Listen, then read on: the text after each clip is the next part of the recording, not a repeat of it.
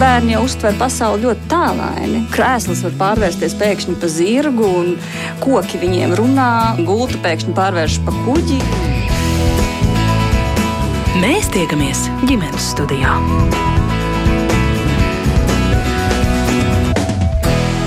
Labdien, klausītāji!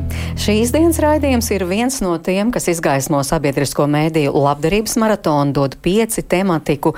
Proti, šogad tas ir aicinājums nepalikt vienaldzīgiem un vērst uzmanību uz problēmām, ar ko saskars riskam pakļautie bērni un jaunieši, un dot iespēju viņiem izrauties no nelabvēlīgas vides un veidot motivētu, drošu, garīgu un fiziski veselīgu nākotni. Sabiedrisko mēdīju labdarības maratons dod pieci. Jau desmito gadu runājam par to, par ko citi klusē. Raidījuma producente šodien ir Sarmīta Kolāta, man sauc Mairidz Noteņu, un es studijā sveicu resursa uzvedība LV vadītāju Līgu Bērziņu. Labdien! Un labdien arī psihiatram, Bērnu klīniskās universitātes slimnīcas, bērnu un jauniešu psihiskās veselības centra vadītājam Nikitam Bezborodovam. Labdien! Un tūlīt sarunā mēs skaidrosim, kā no tāda maza, mīļa, nevarīga mazuļa izaug jauns cilvēks, kuram ir lielas problēmas iekļauties sabiedrībā, pieņemt tās uzvedības normas un arī apkārtējos cilvēkus. Un, uh, tas mans pirmais jautājums, nu tiešām, nezinu, vēršos, skatos uz jums, Līga, kas tam mazajam, mīļajam, nevarīgajam mazulītim jau tiek iedots pūrā līdzi, un kas viņu veidos izaugot par tādu unikālu un vienreizēju personību? Tur ir vairāki faktori vienmēr, un uh, Vienu no faktoriem, protams, es tūlīt pāradresēšu Nikitam, uh, jo tāpēc, ka tas, ko mēs esam redzējuši visi, ka reizēm ir, ka ir ļoti sarežģīti vecāki, un uh, šiem sarežģītajiem vecākiem ir absolūti strukturēts, mierīgs un, un, un ļoti uz uh, nākotni orientēts bērns, un atkal mēs redzam arī šos gadījumus, kad uh, faktiski tādiem absolūti harmoniskiem vecākiem ir, ir, ir nu, tas, tas ar bērniem sanāk pilnīgi, pilnīgi neiespējami. Jā, un, un, un, Tātad tā ir viens šis faktors, ja, kur ir arī ģenētikai nozīme, un es nezinu, ja Kita varēs pastāstīt, kā tas mm. veidojas tālāk.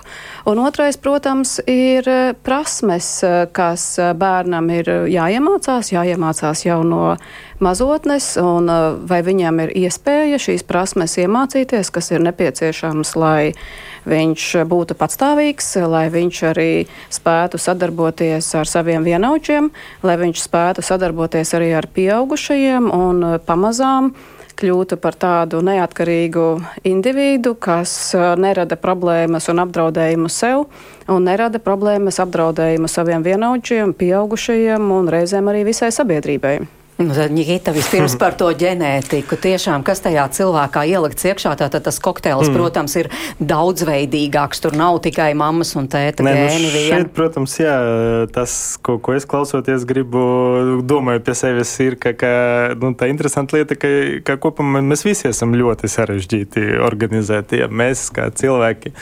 Un, un, protams, ka vēsturiski ir dažādas teorijas bijušas. Uh, ja, tad nu, bija arī tādas teorijas, kas, kas ļoti uzsverā tieši to, to iedzimtību, ja, bioloģiju.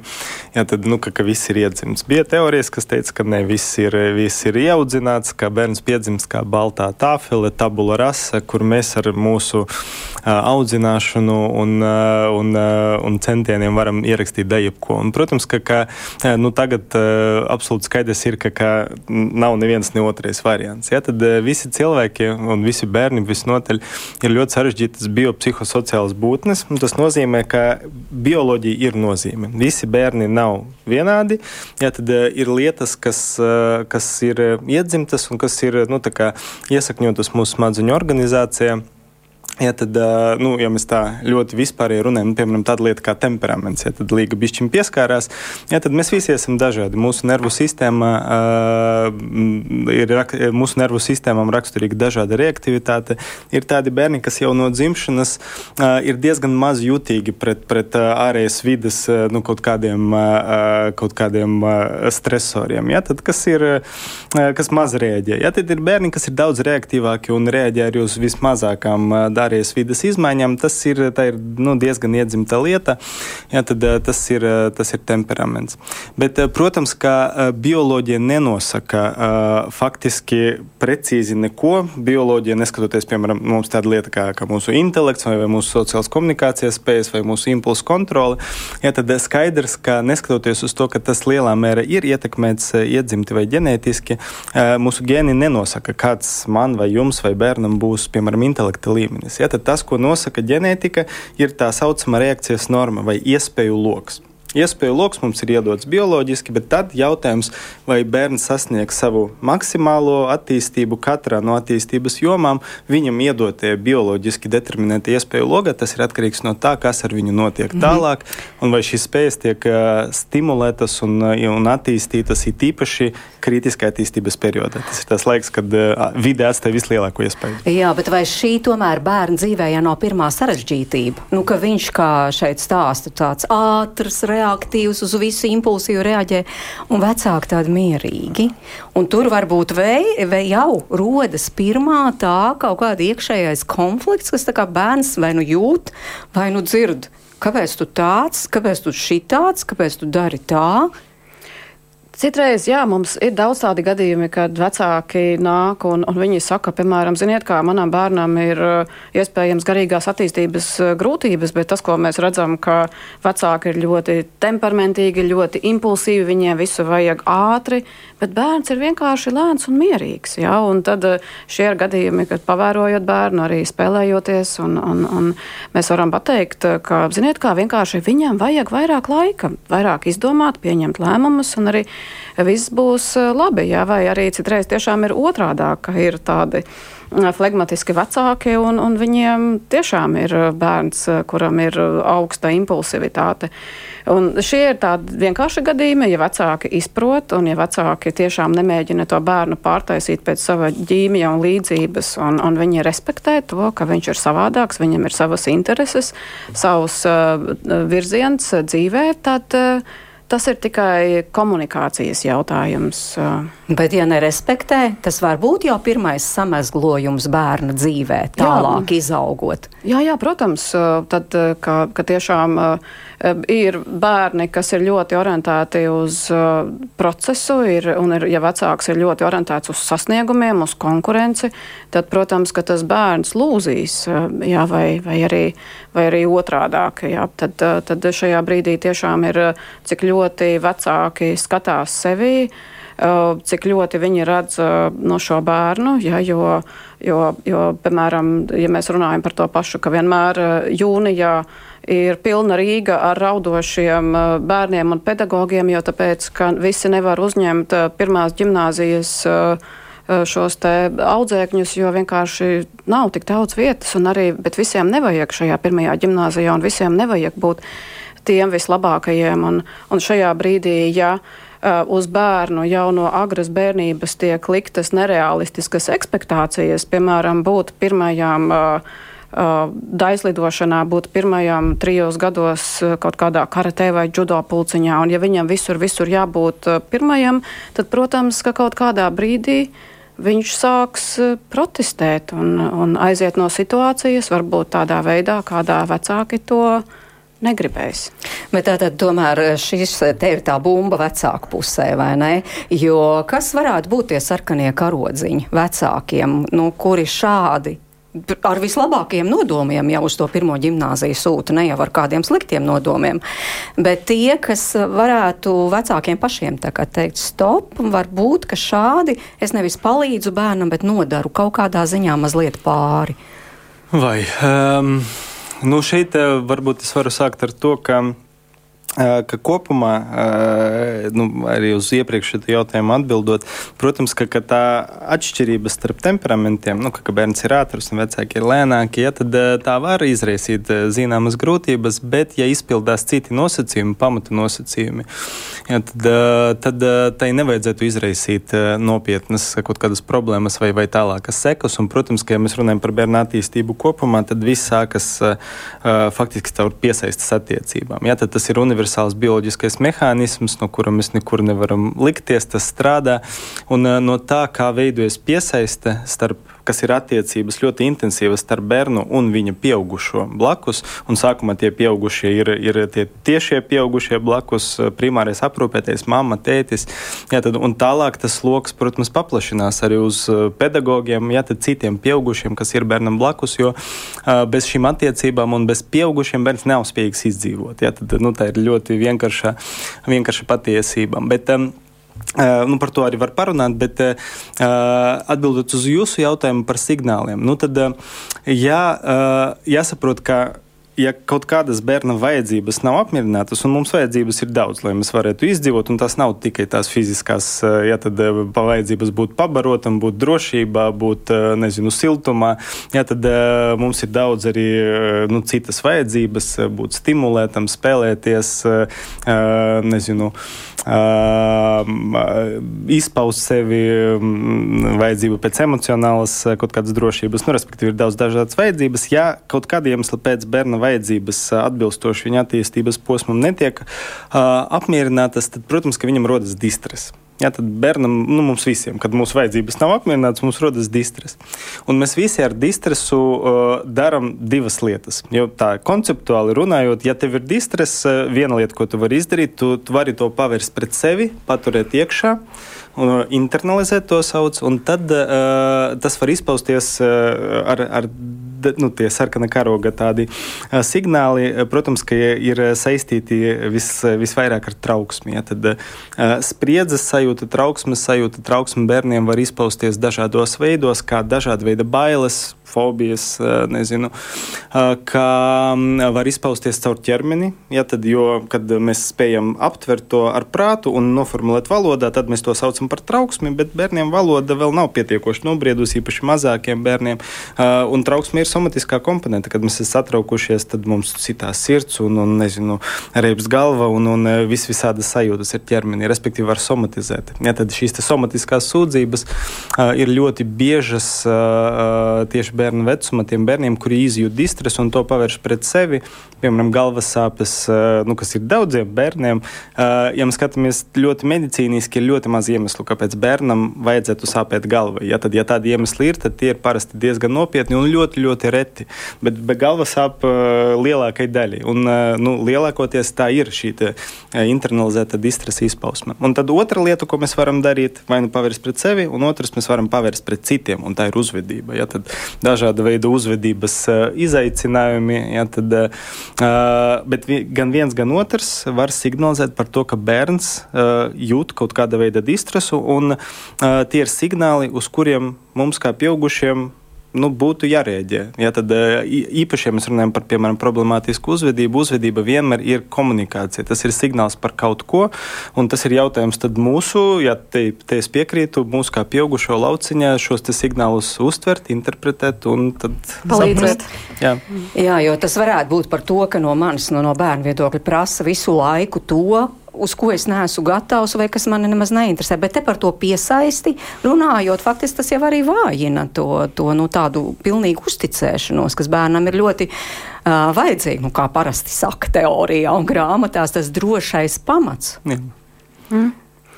Jā, un šajā brīdī tiešām ir svarīgi, vai vecāki skatoties uz bērnu, redz bērnu vai viņi redz savu priekšstatu par bērnu, vai viņi tiešām spēj nolasīt bērna intereses, vajadzības, vai viņi dzīvo kādā ilūzijā par to, es labāk zinu, kas tev ir vajadzīgs. Jā, tev tagad vajag gulēt, jā, tev tagad vajag mācīties.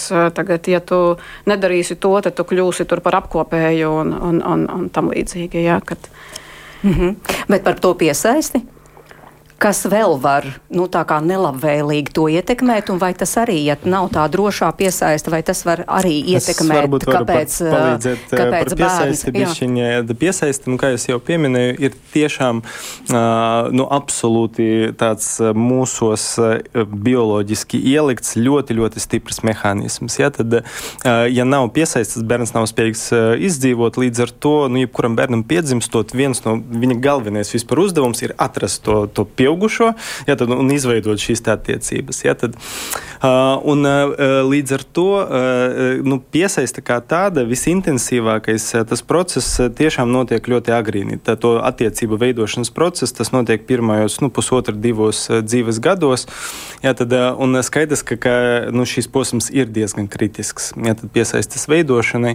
Un, protams, ka ja, ja mēs skatāmies nu, tā ekstremālos gadījumos, piemēram, gadījumos, kad bērnam vispār nemaz nav tas primārais aprūpētājs, ar kuru varētu izveidot šīs attiecības, ja, tad, ja bērns ir institūcija. Ja, tad šeit agrīnē vecuma posmā mums ir milzīgs pierādījumu lokus tam, ka, ka, ka tas atstāja ļoti, ļoti uh, intensīvas sekas, ja negatīvas sekas uz, uz uh, nu, tālāko attīstību. Uh, bet lielākoties, protams, ka, ka tās grūtības, kas rodas šeit posmā, nav tik, tik, tik smagas, ja, tad, uh, bet, uh, bet tas grūtības var būt daudzveidīgas. Dažreiz ir tā, ka uh, pieaugušais ir blakus, bet, uh, bet viņam vienkārši nav pietiekoša uh, resursa būtu. Ja tad, nu, piemēram, mammai uh, ir trīs bērni, ja tad viņa audzina visus tos trīs bērnus viena, ja tad un piedzimst trešais bērns, un viņa fiziski dažreiz var būt blakus, un, un dažreiz nevar būt blakus, un tāpēc ir spiesta bērnu, nezinu, diennakts dārziņu grupā laist, tāpēc, ka viņa fiziski nevar būt blakus.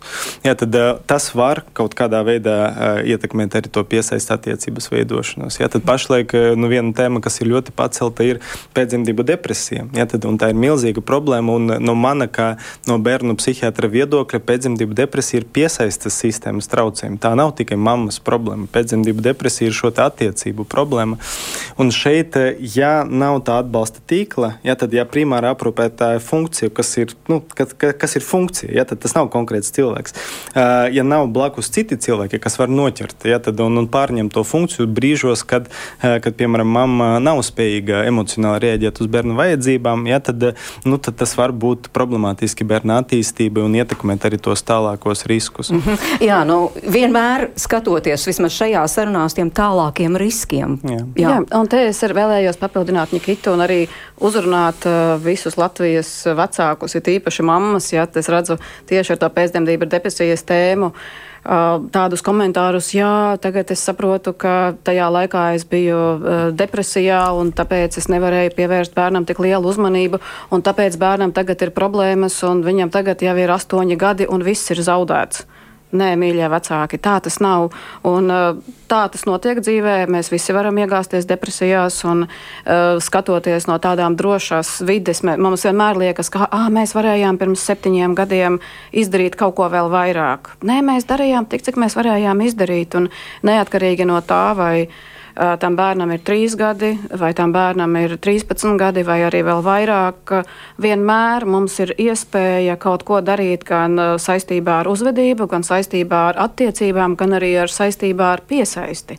Protams, ka mazuļiem viss būs daudz ātrāk un vienkāršāk, mm. jo smadzenes no, vēl, vēl formējas, viņas ir daudz fleksiblākas, bet mēs nedrīkstam padoties arī ne attiecībā uz jauniešiem, ne uz pieaugušajiem, ne arī uz senioriem. Mm. Jā, bet nu, tad nav tāda viena nu, kaut kāda vecuma posma, ka var teikt, vismaz kādreiz tā, tā teica, nu, šīs vecums sasniedzot, un tad jau bērns tomēr ir izveidojies, nu, plus mīnus par, par personību. Nē, nu tā gluži nav, jo arī pieaugušo vecumā mēs tomēr esam spējīgi mainīties. Ar to uh, mēs esam unikāli kā suga, ka, ka mums ir tiešām ļoti plastiska centrāla nervu sistēma, kas ir spējīga mainīties.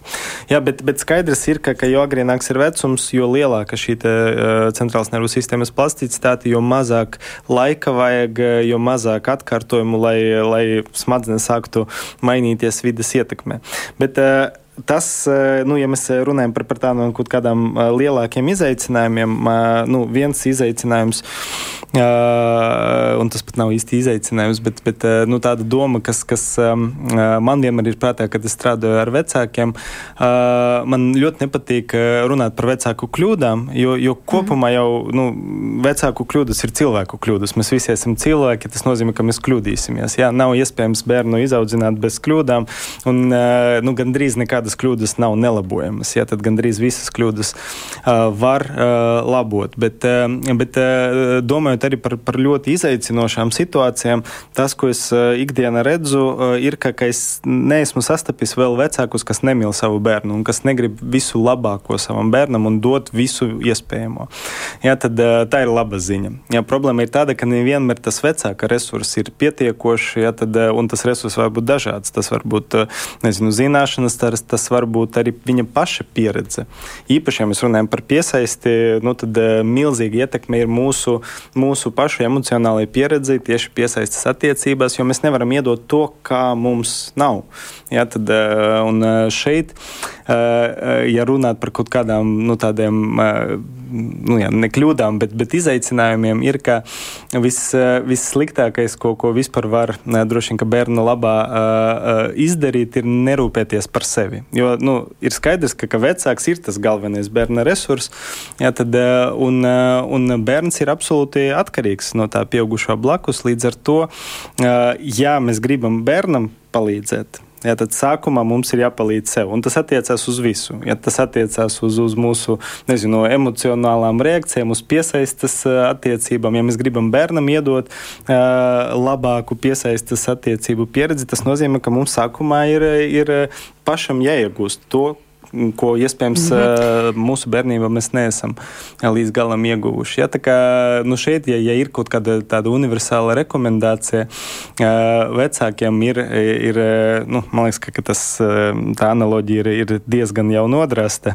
Atvainojos, bet, bet tā lidmašīnas ja, tad, pamatprincips, ka sākumā jāuzvelk masku sev.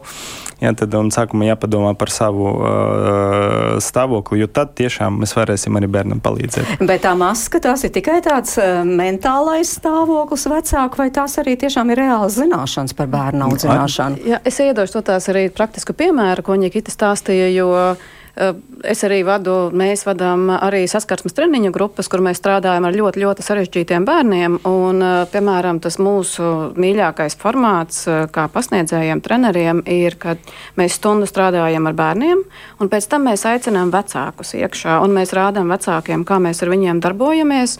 Mēs arī pašus vecākus iesaistam, un mēs arī viņiem parādām, hei, klausies, rekur, tavam bērnam izdodas, rekur, tavs bērns, viņš spēja dalīties, viņš spēja spēja palikt mierīgs tajā brīdī, ka kāds viņam ņem mantu nost, un viņš spēja pateikt, iedod, viņš spēja pateikt, man ir problēmas. Un, uh, diemžēl katrā no šīm grupiņām, kuras mēs vadām, mums ir vecāki, kuri, piemēram, septiņu, astoņu gadu laikā nav dzirdējuši nevienu labu vārdu par savu bērnu. Un šajā gadījumā tas arī ietekmē bērnu, vecāku attiecības. Tas ietekmē ar to, kā vecāks skatās uz bērnu un kā bērns skatās uz vecāku. Un arī mēs vienmēr pieņemam un respektējam tas, ko Nikita teica, ja, ka ir vecāki, kuri nezina kā strādāt. Ir vecāki, mm. kuri nezina, kā tikt galā ar šīm situācijām, kuri nemaz nevar iedomāties, ka šo situāciju var atrisināt uh, mierīgi. Ir vecāki, kuriem nav nekāda ideja, ka ah, man vajadzētu nomierināties pirms es sāku sarunu ar savu bērnu. Ja? Uh, un uh, tajā brīdī, tad, kad viņi vēro no malas, un tajā brīdī, tad, kad viņi redz, ka bērns var mierīgi darboties ar citiem bērniem kopā, tajā brīdī, tad, kad viņi redz, ka par viņa bērnu saka labas lietas un arī tiešām atklājas eh, fenomenāli talanti, jo nereti tiem bērniem, kuriem ir vislielākās eh, uzvedības problēmas, viņiem arī ir vislielākais līderības potenciāls. Jā, to ļoti labi var redzēt šajās eh, grupiņās ar aktīviem bērniem. Un tajā brīdī, tad, kad mēs parādām, ka šo līderības potenciālu, šo enerģiju var izmantot konstruktīvā, radošā veidā, tas fundamentāli ietekmē ne tikai viņa uzvedību, tas ietekmē arī veidu, kā vecāki veido attiecības. Un, ja arī pedagogi pievienojas šādās grupiņās, tad Eh, tas arī ietekmē veidu, kā pedagogs redz bērnu. Un tajā brīdī, tad, kad pedagogs ierauga bērnu savādākā gaismā, viņš ar viņu sarunājas savādāk, viņš skatās uz viņu savādāk, viņš noklausās savādāk, viņš arī jautājumus uzdod savādāk.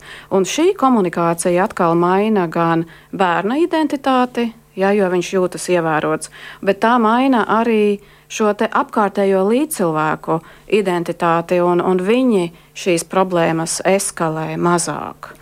Nu jā, jautājums tikai, vai šobrīd jau tas ir nodrošināts, ka vismaz nu, tie vecāki, kuriem grūtāk iet, un to var redzēt pats bērniem, kuriem ir tās uzvedības problēmas jau agrīni, jau varbūt bērndārzā vai skolā, vai viņi tiešām tiek iesaistīti, vai viņi eh, tiek uz šādiem kursiem, kur speciālisti viņiem palīdz, kā ar to visu tikt galā un kā to mainīt. Mm. Jā, tas ir eh, ļoti bēdīgs jautājums. Un, eh, nu, šeit, ir, šeit ir tādas divas lietas. Viens ir, protams, kursi, un, un mēs zinām, ka kursi ir ļoti daudz.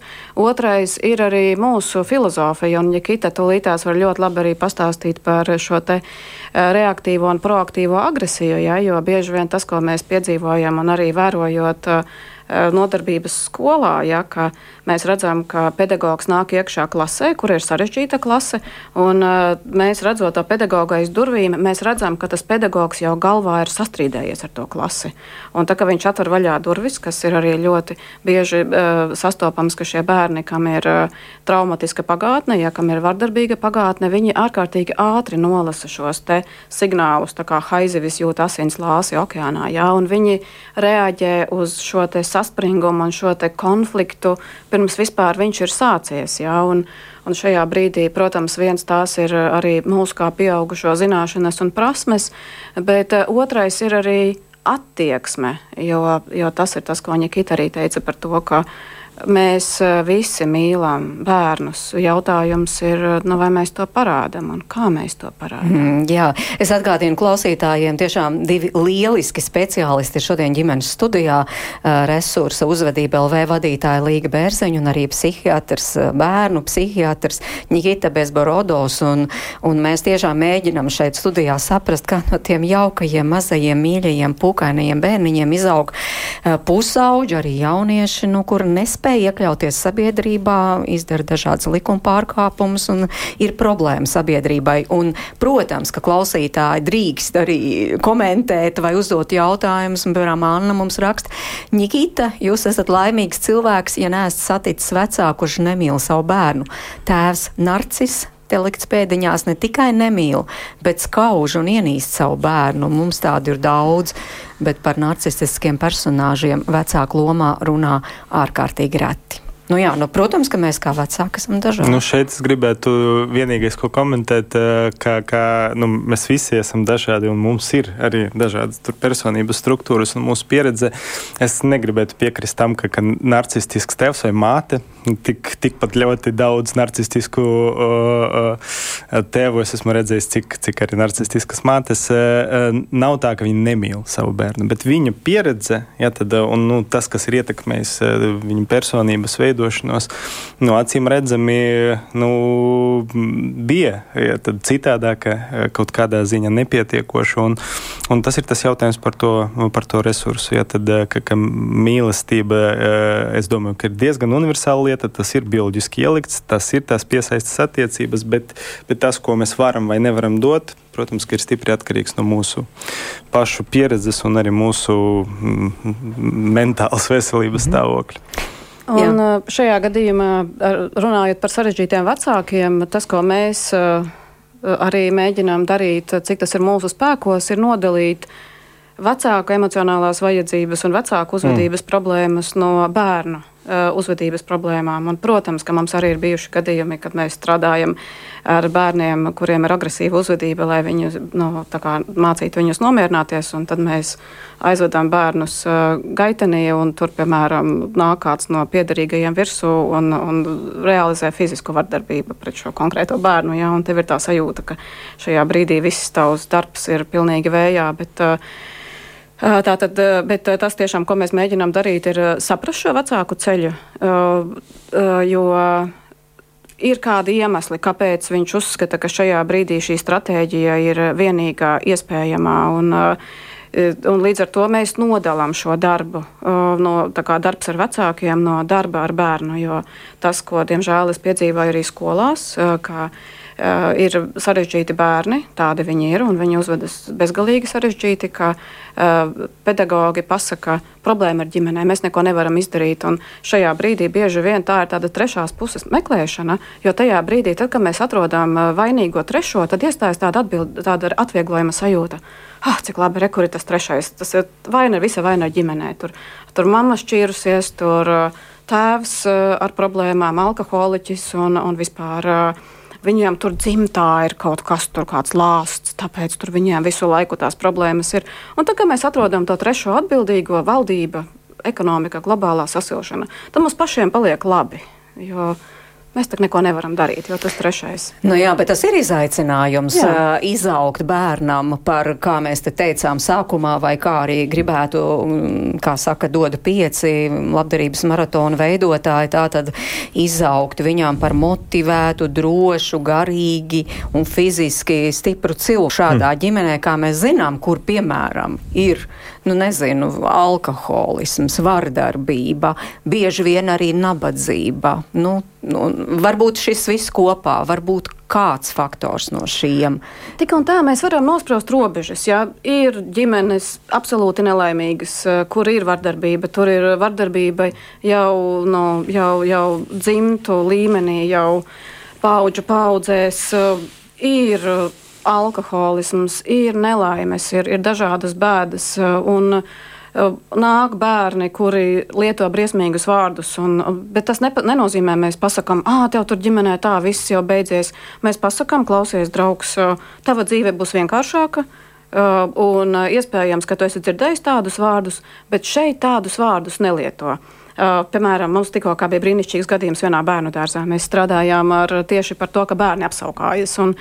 Tad uh, tas uzdevums bija citiem bērniem uh, pārtraukt šo situāciju, pasakot kaut ko labu. Un tur visi vecāki jau uzvilkās, jo tāpēc, viņi nevar izdomāt, kā pārtraukt uh, šo situāciju, lamāšanos. Un tad viena meitene viņa tā saka, uh, es teikšu šajā gadījumā tā. Klausies, draugs, tev ir bagātīgs vārdu krājums, bet šādus vārdus mūsu grupiņā nelieto. Eh, un ko mēs šajā gadījumā darām, un kas mums ir ārkārtīgi svarīgi šim bērnam, kurš aug tiešām vardarbīgās attiecībās un dievzina ar kādiem vecākiem, eh, vai vienalga, kas ir noticis, nodalīt un radīt vismaz vienu vidi, kur viņš piedzīvo to, ka viņš var būt eh, drošībā, ka viņš ir cienīts, kur viņš var mācīties šīs prasmes sadarboties, gūt prieku no tā. Mums tiešām ir tādas situācijas, kad viņš aiziet mājās un viņš ir pirmais, kurš māca to arī saviem brāļiem un māsām un arī vecākiem. Un, lai cik tas eh, no, neizklausītos tā hiperpozitīvi, bet tādas pārmaiņas ir notikušas. Un, Ja jūs atceraties to kampaņu, kas sprādzēšanās kampaņa, tā arī šo ieradumi tika mainīti caur bērniem. Ja, mēs nedrīkstam padoties tikai tāpēc, ka lūk, tur ir ir mm -hmm. briesmīgas lietas. Nu, tā kā savā ziņā arī varbūt sabiedrībai jāmaina sava attieksme, ka lūk, nu, viņš jau nāk vai viņa nāk no tādas ģimenes, Nu, nekā labi jau nebūs. Skaidrs, ka tas būs tas problemātiskais. Nē, nu eh, šeit eh, vienkārši jāatcerās, ka nu, mēs esam sociāli dzīvnieki, mēs esam sociāla suga. Un, eh, kā jau es pieminēju, bērni nav spējīgi izaugt bez pieaugušiem, bez, bez mūsu gādības, bez mūsu rūpēm. Un, un vienkārši jāsaprot, ka, ka nu, mēs kā pieaugušie esam atbildīgi par, par, par visiem bērniem. Ja, tad, uh, un, protams, ka ir tā, tā dabiskā primāra atbildība, kas ir ģimenei, bet, bet uh, ar ģimeni jau neaprobežojas bērna uh, kontakts ar ārējo pasauli. Un šeit uh, tiešām tie citi pieaugušie, ja ģimenē tas resurs nav pietiekoši, ja, tad, tad, tad nu, citiem pieaugušiem bērnu dzīvē ir iespēja viņu noķert ja, un, un, un nodrošināt to pieredzi, kas, kas ļaus viņam savukārt tālāk nu, pārtraukt šo aburto loku. Jo, protams, ka, ka, ja mēs runājam īpaši par vardarbības pieredzi, mēs zinām, ka, ka nu, ja, ja tava pieredze attiecībās ar cilvēkiem ir, ir vardarbīga no sāktā gala, tad nu, tas ļoti paaugstina risku turpināt. Jo vienkārši tev pašam nav cita veida attiecību pieredzes. Ja? Bet, bet mēs kā pieaugušie, kā skolotāji, kā nezinu, sporta treneri, kā, kā visi tie pieaugušie, kuriem bērns saskaras savas dzīves laikā, mums ir šī atbildība un, un mēs to varam izdarīt, iedot bērnam cita veida pieredzi. Bet tiešām izdodas. Jūs zinat gadījumus, Protams. reāls gadījums, nevis tikai Nē, teoriju, tas ir bet eh, eh, laikam, tiešām. diezgan zinātniski pamatots. Īpaši, ja mēs runājam par, par to pieaugušo lomu, ja, tad neatkarīgi no tā, kāds ir tā, tas bērna ja, tad, vides, ģimenes izējas stāvoklis, ja viņam palēmējas, ka, ka vismaz viens pieaugušais ir viņa dzīvē, ja, tad tāds, ar kuru viņam izdodas izveidot šīs te drošas uh, uzticības attiecības, tad tas pasargā no ļoti daudziem riskiem nākotnē. Un tas pieaugušais var būt uh, ja, papl- paplašinātās ģimenes loceklis, vecmama vai vectēvs, ja, tad uh, onkulis, tante, tas var būt skolotājs. Ja, tad, un, nu, es domāju, ka, ka šādu stāstu ir daudz dzirdēts no cilvēkiem, kas jau ir izauguši ja, tad, ar, ar ļoti negatīvām pieredzēm, bet, bet kas, kas var atcerēties to, to vienu pieaugušo skolotāju vai treneri, kas, kas bija tas vienīgais, kas, kas deva viņam to nepieciešamo atbalstu un kas palīdzēja izvairīties tālāk no ļoti negatīvām dzīves trajektorijām. Jā, tieši tā. Mums ir daudz piemēru, un, un uh, tiešām šie prasmju uh, treniņi ir ārkārtīgi jēdzīgi un ārkārtīgi jēgpilni. Un tiešām es vēlos uzsvērt, ka, ja bērnam ir uh, uzvedības, komunikācijas grūtības, tad uh, mums ir svarīgi, lai šie bērni paliktu sabiedrībā, lai viņi mm. paliktu bērnu dārzā, lai viņi paliktu uh, Skolā. skolā, lai viņi tālāk paliktu redzami, uh, lai mēs varētu viņus, viņiem palīdzēt un atbalstīt uh, visā tajā posmā, tad, kad viņiem jau radīsies nākamās grūtības. Jo, uh, Jūs arī noteikti saņemat daudzas vēstules, uh, kā tātad uh, bērnam ir grūtības. Viņš tiek aizvests, piemēram, pie Bezbarodovā, un tur viņš sēž mierīgi, sakrustojas kāju pār kāju un gudri stāsta visu, ko. Un, uh, un Bez Barodovs sēž.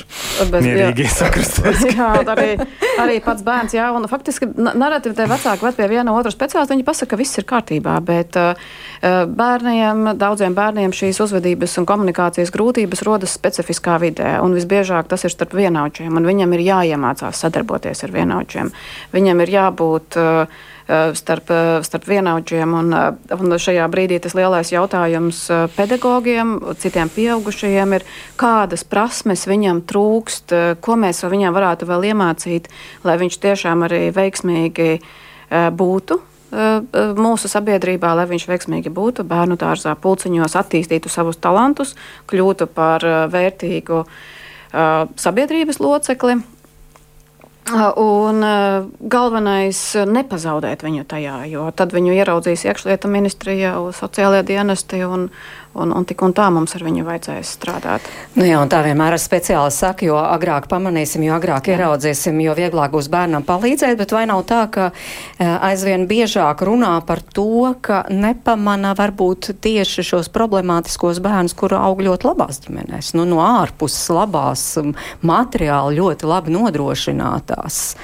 Eh, Kādas tur parasti vai visbiežāk rodas grūtības? Tas gan jau Nikitam jāprasa. Nu, viens ir tas, ko es tiešām redzu, kas ir uh, saistībā ar nerealistiskām expectācijām. Jā, kā nereti ir tā, ka ir ļoti, ļoti gudri vecāki un uh, pēkšņi bērnam ir disleksija vai disgrāfija. Mm. Un, uh, Vecāki nevar saprast, kā tas ir, ka bērnam nepielēc. Jo taču, nu, uh, piemēram, t, uh, sākas teksti, ka es tavā vecumā jau 4 gadu vecumā lasīju, es 12 gadu vecumā jau uzsāku savu uzņēmējdarbību, es tur jau 20 gadu vecumā atlaidu pirmo cilvēku, ja, un, un kur tad tu esi, ko tu kaut ko nevari izdarīt. Un šajā brīdī, ja bērns vai bērni jūt uh, spiedienu, un, un ja viņi jūt tādas nerealistiskas expectācijas, un viņi nevar izturēt, un viņiem nav metodes, kā komunicēt, uh, kā šo stresu arī novadīt, uh, tad uh, viņi var meklēt savādākus veidus, kā aiziet prom no šīm situācijām. Jā, un, un mums ir bijuši tādi, tādi pilnīgi bēdīgi gadījumi, kad arī šāds tēvs kontrolē bērnu, ļoti, ļoti kontrolē, nu, abi vecāki. Uh, Un, uh, un tā kā, kā tas bērns izskatīsies, kā tas bērns uzvedīsies. Un vienīgais veids, kā bērns var dabūt atpakaļ kontroli pār savu dzīvi, ir nemācīties. Jā, tāpēc ka Tas ir vienīgais, ko viņš savā mm. dzīvē varēja mm -hmm. kontrolēt. Jā. Un potenciāli var arī kļūt par problemātisku o, bērnu protams, kaut kādā brīdī. Es gribu teikt, ka, nu, manuprāt, nu, tam socioekonomiskām stāvoklim vispār ir samērā maz saistības ar, ar, nu, ar, ar tām grūtībām, ko, ko ģimene var piedzīvot.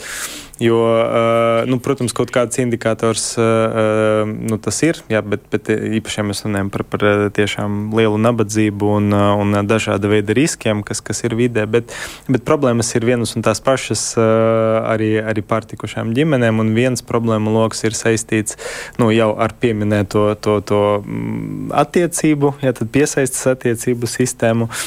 Uh, viens, protams, ka, ka lielas grūtības problēmas ir ar to, ka e, cilvēkiem, pieaugušiem, bieži vien kopumā trūkst e, zināšanu par normālu bērnu attīstību.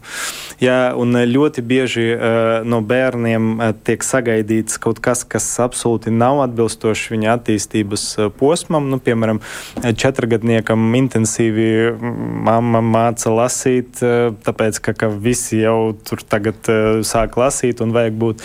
Ja, un četrgadniekam nevajag lasīt. Ja, tad viņš varbūt apgūs, ja tad caur mokām to, to tās burtiņus iemācīsies un iemācīsies lasīt, bet viņš zaudēs laiku tām aktivitātēm, kas tiešām ir ļoti svarīgas četrgadniekam, un tas ir spēlēties. Ja tad spēlēties vajag četros gados, un ja viņam būtu šis laiks spēlēties, viņš varētu apgūt ļoti svarīgas prasmes, tieši sociālo-emocionālas komunikācijas prasmes, ko viņš nav spējīgs darīt, tāpēc, ka mēs mokoši mācāmies lasīt. Bet lasīt prasmi viņš sešos, septiņos gados apgūst nedēļu nedēļas laikā, to, ko četros gados jāmāca pusgadu. Ja, tad šīs zināšanu trūkums par normālu bērnu attīstību, es domāju, ka tā ir mm, problēma, kas ir arī uh, nu, dažāda veida ģimenes un uh, socioekonomiskos slāņos. Uh, vēl viena problēma ir tāda, ka uh, kopumā nu, Līga bišķiņ pieminēja par, par to pārmērīga kontrole. Es, es gribu teikt, ka uh, nu, šeit ir jāsaprot, ka, ka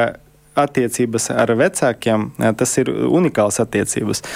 No vienas puses, šīs attiecības nav tas pats, kas, nezinu, ar cietumu uzraugu un nedrīkst tā būt, ka ir tikai kontrole un nav šī emocionālas tuvības un pieņemšanas un siltuma. Ja? Tad to sauc par autoritāru audzināšanas stilu, un mēs zinām, ka tas ir riska faktors dažāda veida grūtībām. Ja, tad, bet no otras puses ir arī otrs grāvis. Ir ļoti daudz, ir tie, tie, tie gadījumi, kad vecāki grib būt par draugiem, un vecāks nav tas pats, kas draugs. Ja, tad vecāka un bērna attiecības pēc definīcijas ir asimetriskas.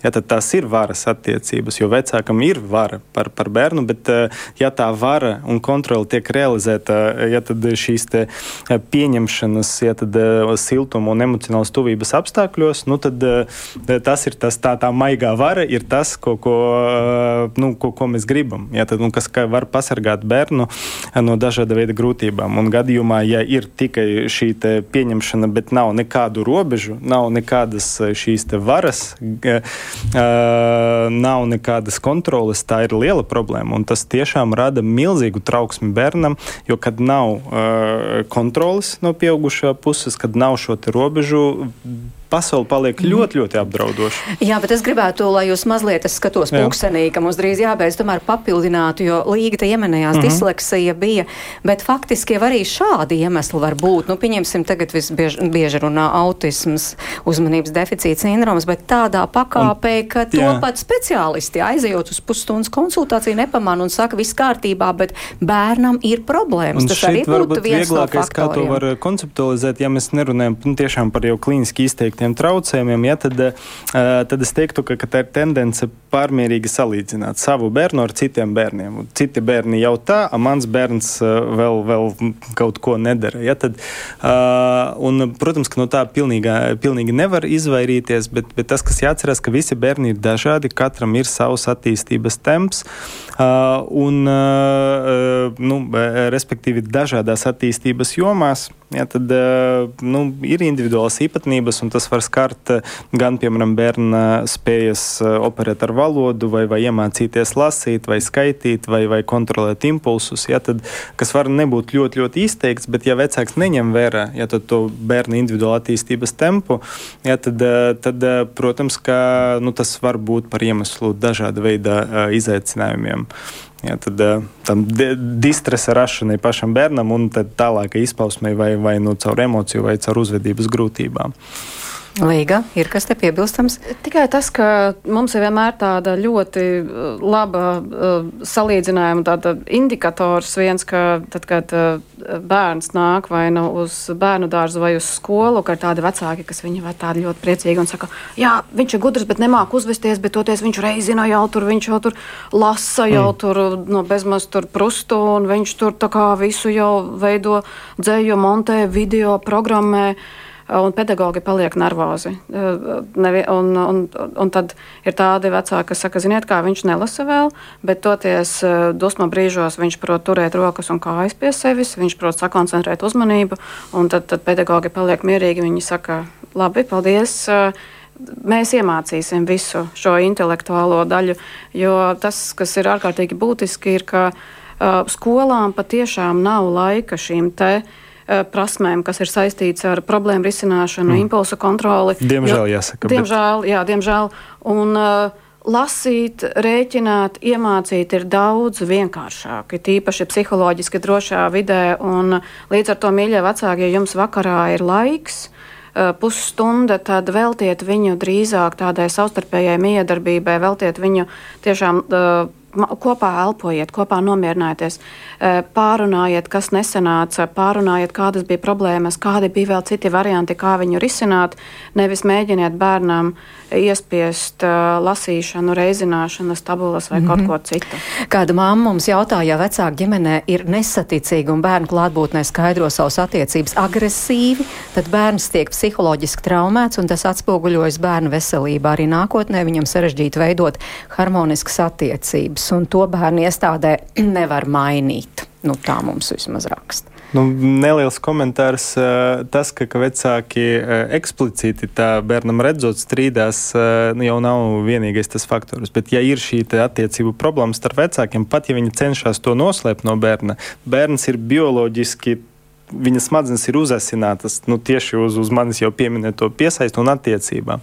Un, protams, ka, ka nu, skaidrs, ka bērns visu to uztver. Nu, ja kādam ir fantāzija, ka, ka mēs tagad nestrīdamies bērnu priekšā, bet nu, tad plēšamies tad, kad bērns neredz, eh, ka tas viņu neietekmē, protams, ka, ka to fantāziju droši vien ir jāatstāj. Un, un tiešām ir jāpievēršas savām attiecībām un jāsakārto savas attiecības viena vai otrā veidā, ja mēs gribam bērnam palīdzēt. Toties mēs nevaram pieņemt, mēs pasakām, ka. Mm Tātad bērnam ir problēmas, trauksme, bet mēs tur neko nevaram izdarīt, jo vecāki šķiras. Mm. Tā mēs kā sabiedrība nedrīkstam pateikt, ja, ka šajā brīdī tas nozīmē, ka mums kā bērnu dārzam, skolai, arī kā sabiedrībai jāpasaka, ka šai, loma, jā. Jā, šajā brīdī bērnam ir speciālās vajadzības. Tas nozīmē, ka šajā brīdī bērns būs reaktīvāks, bērnam ir nepieciešams vairāk emocionāls atbalsts, un viņam ir nepieciešams parādīt, ka, hei, tā var gadīties, ka dzīvē notiek, ka pieaugušie šķirās, citi šķiras vairākas reizes, citiem dzīve nesanāk, un tā ir dzīves sastāvdaļa, ka dzīve ļoti bieži nesanāks, bet šeit būs tā drošā vide. Šeit būs tā vieta, kur mēs tev palīdzēsim, mēs tev ļausim nomierināties, mēs tev iemācīsim kādas prasmes, kā uh, palikt kontaktā arī tad, kad tev ģimenē ir ļoti, ļoti grūti. Un uh, mēs esam šeit, visi priekš tevis. Jā, nu es domāju, tā ir tikai maza, maza, maza daļiņa, ko mēs te ieskicējām, kas varētu bērnu to mazo mīļo pūkaino izveidot tomēr vai eh, par tādu, nu, kurš kā liels eh, rāda problēmas sev un sabiedrībai, bet, nu, tomēr, ja šajā sākuma posmā līdz pusauģu vecumam viss ir bijis ideāli Vai var būt tā, ka pēkšņi pusauģu vecumā bērns nu, kļūst tiešām nevadāms, nevaldāms, pārkāp visas robežas un, un, un, un, un, un it kā, bet it kā viss Jā. bijis kārtībā?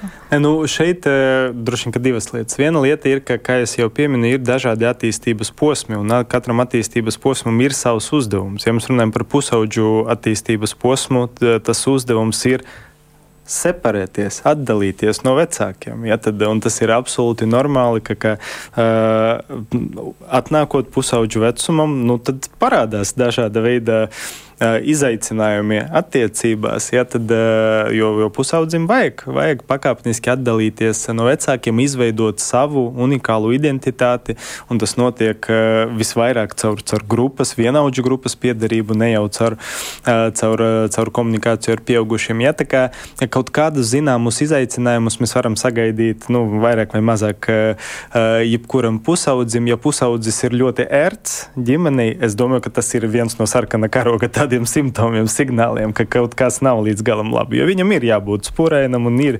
jāveido to, to savu unikālo identitāti. Bet kopumā, ja līdz tam viss ir bijis kārtībā, tad ar vislielāko varbūtību arī to pusauģu posmu izdosies iznavigēt ja, un pārdzīvot bez lieliem zaudējumiem. Protams, ka tā otra lieta ir, ka pusauģu vecumā mēdz sākties arī dažāda veida psihiskie traucējumi, kas ir diezgan bioloģiski determinēti, ne tik ļoti saistīti, uh, nu, arī saistīti, bet ne tik ļoti par to priekš, priekšagrīno periodu, bet, uh, nu, piemēram, psihozi, ja, tad, vai, vai nu, kaut kādi nopietnāki psihiskie traucējumi, bet uh, šīs situācijas ir ļoti retas pa laimi, ja tad absolūti lielākoties, nu, ja, ja situācija ir tāda, ka pirms tam viss bija absolūti kārtībā, nu, vajadzētu cerēt, ka arī to sarežģīto dzīves posmu mums izdosies iznavigēt. Nu, vismaz nepārkāpjot sarkanās līnijas, līga jums galvārds. Jā, un arī, jebkurā gadījumā, vai tie ir jaunieši, kuriem tiešām tiek identificēti šie traucējumi, Tik un tā mēs varam atrast viņiem lielisku vietu viņa dzīvē. Jā, tas arī neko nenozīmē. Tas ir tikai saprast to, atbalstīt, atrast piemērotu vidi un vidi, kur mēs varam novērst kādus riska faktorus. Un, eh, jā, tad eh, iespējas ir visiem un vienmēr, un, un tiešām eh, vienmēr ir labāk sākt šodien nekā rīt un, un nepadoties. Paldies Līgai Bērziņai, paldies Nikitam Bezborodovam, paldies, ka atradāt laiku, atnācāt šeit uz ģimenes studiju, bet klausītājiem saku, ka uh, labdarības maratons dod pieci vēl gaidāms, apmēram mēnesis priekšā, tā kā būs vēl sarunas, kā tad veiksmīgāk izaudzināt tos uh, mazos par lielajiem. Raidījuma producents Armīta Kolāte, Toms Šits un Mārtiņš Paiglis pie skaņpūces Mārits Noteņa bija šeit pie mikrofona un rītdienas tāfet pārņem man kolēģi Agnes Linka.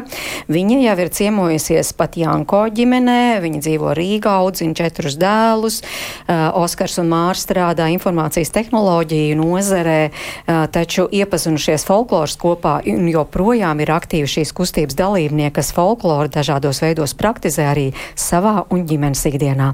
Tā kā ģimenes portrets rīt, un paldies, ka klausījāties šodien un visu labu!